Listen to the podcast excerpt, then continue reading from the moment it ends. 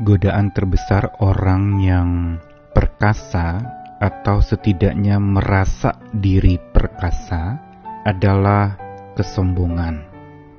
Kepongahan merasa bahwa keperkasaannya itu menetap padanya, selalu ada dan menjadi milik pribadinya, tanpa ada yang dapat mengambilnya. Dan orang yang sombong, merasa diri perkasa, atau menganggap keperkasaan itu milik pribadinya, melupakan satu hal yang paling penting di dalam memandang keperkasaan dirinya, yaitu bahwa keperkasaan yang ada padanya itu adalah titipan Tuhan, dipercayakan oleh Tuhan untuk satu maksud mulia dari Tuhan yang mempercayakannya itu.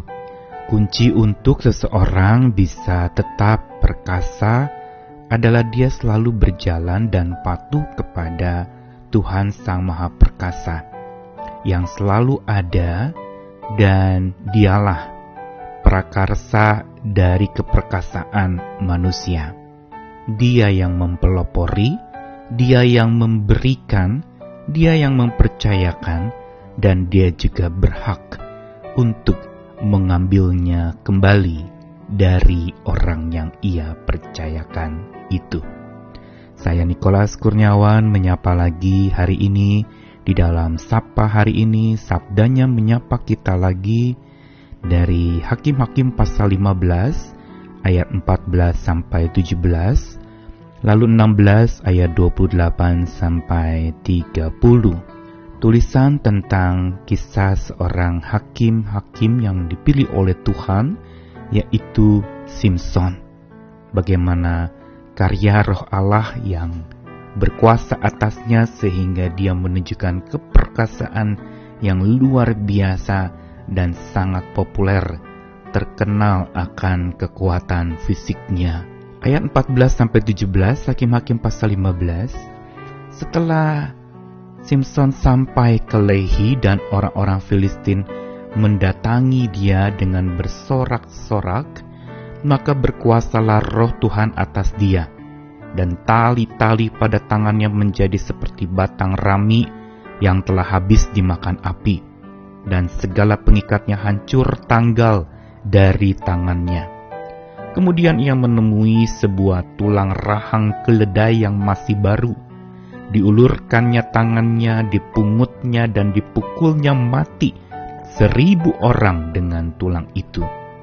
Berkatalah Simpson dengan rahang keledai bangsa keledai itu kuhajar, dengan rahang keledai seribu orang kupukul. Setelah berkata demikian, dilemparnya tulang rahang itu dari tangannya.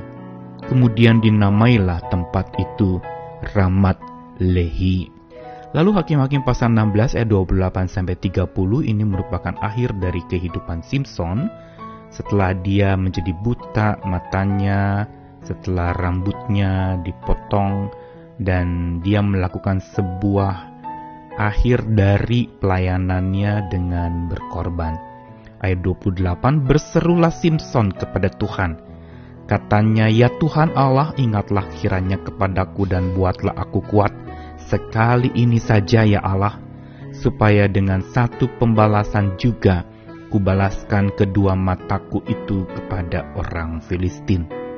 Kemudian Simpson merangkul kedua tiang yang paling tengah, penyangga rumah itu, lalu bertopang kepada tiang yang satu dengan tangan kanannya dan kepada tiang yang lain dengan tangan kirinya Berkatalah Simpson, biarlah kiranya aku mati bersama-sama orang Filistin ini.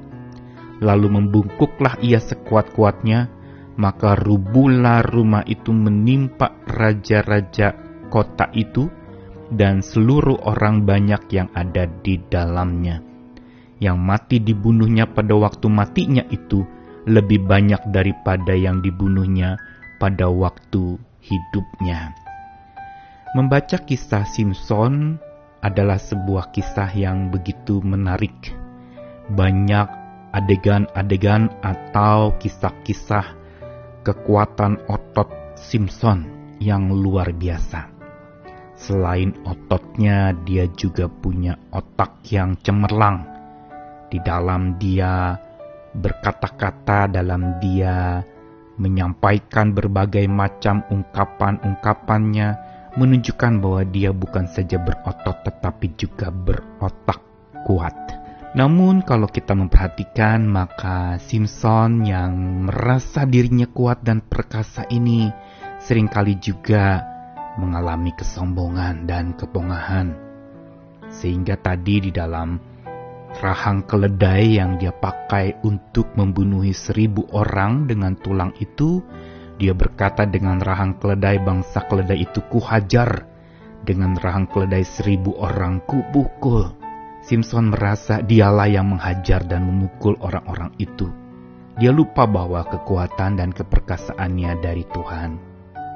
Dan kita tahu pula bagaimana Simpson lalu di dalam perjalanan pelayanannya dan tugasnya sebagai seorang hakim, ia telah melakukan sebuah tindakan ketidakpatuhan, yaitu ketika semula dia adalah seorang yang sudah dinasarkan dan Tuhan mengatakan bahwa rambutnya tidak boleh dipotong. Dan ini merupakan sebuah komitmen yang harusnya memang Simpson patuh untuk tidak memotong rambutnya. Memang kekuatan Simpson bukan di rambut, tetapi di Tuhan. Namun ketidakpatuhan Simpson justru menyebabkan kekuatan Simpson runtuh. Ketika dia membongkar akan kelemahan dirinya, dia membongkar akan kekuatan yang merupakan kepatuhan kepada Tuhannya dengan tidak memotong rambutnya. Setelah itu, dia justru mengalami jatuhnya karena ketidakpatuhannya. Sehingga di bagian akhir di dalam Hakim-Hakim pasal 16 tadi, ini adegan di mana Simpson akhirnya kata-kata terakhir sebelum ia mengorbankan dirinya untuk orang-orang Filistin itu terkalahkan di dalam sebuah pertemuan raja-raja kota dan seluruh orang yang ada di dalam gedung itu. Simpson akhirnya melakukan sebuah karya oleh kekuatan Tuhan untuk berperang melawan orang Filistin dengan cara yang unik. Dan memang akhirnya musuh Israel yaitu Filistin waktu itu terbunuh jauh lebih banyak dengan matinya Simpson dibandingkan dengan masa hidupnya Simpson. Pelajaran apa yang kita dapatkan dari kisah Simpson ini, seorang hamba yang dipakai oleh Tuhan?